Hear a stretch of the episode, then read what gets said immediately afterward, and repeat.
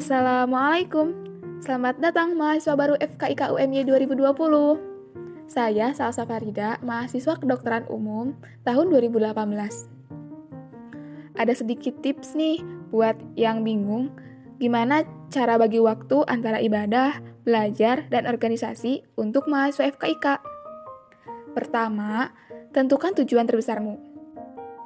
Misalkan kamu pengen jadi seorang dokter atau dokter gigi, atau perawat, atau apoteker. Tanamkan dalam pikiranmu kalau kamu harus bisa menggapainya. Sehingga saat masa malas melanda, kamu akan bisa melawannya karena kamu benar-benar ingin mencapai tujuanmu. Yang kedua, buat daftar kegiatan atau write to-do list.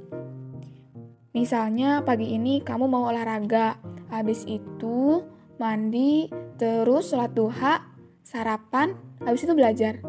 Jadi, kalau kamu beres olahraga, kamu bakal langsung mandi, habis itu sholat duha, dan yang lainnya.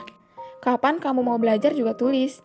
Misal ada tugas, rencananya kira-kira hari apa ya beresnya? Jadi, buat to-do list rencana satu hari, to-do list rencana satu bulan ke depan, secara terperinci. Jadi, gak ada deh kegiatan yang terlewat. Yang ketiga, kenali dirimu. Apa gaya belajarmu? Belajar auditori kah? Atau visual kah? Atau kinestetik? Misal, gaya belajar auditori.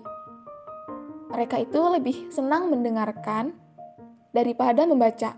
Jadi, cara belajar kamu mendengarkan video rekaman kuliah atau minta teman kamu buat baca sekeras mungkin biar kamu cepat memahami materi.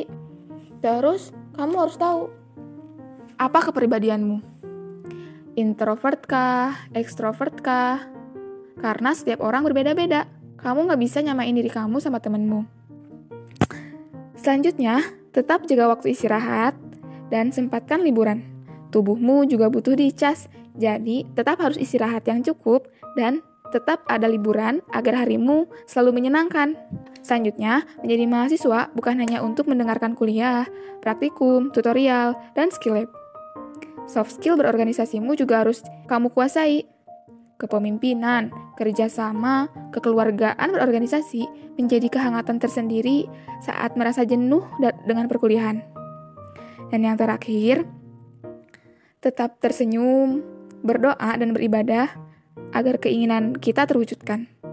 Perbanyak bersyukur atas nikmat yang telah Allah berikan. Segitu tips dari saya. Mohon maaf bila banyak kesalahan. See you next time. Bye bye. Assalamualaikum.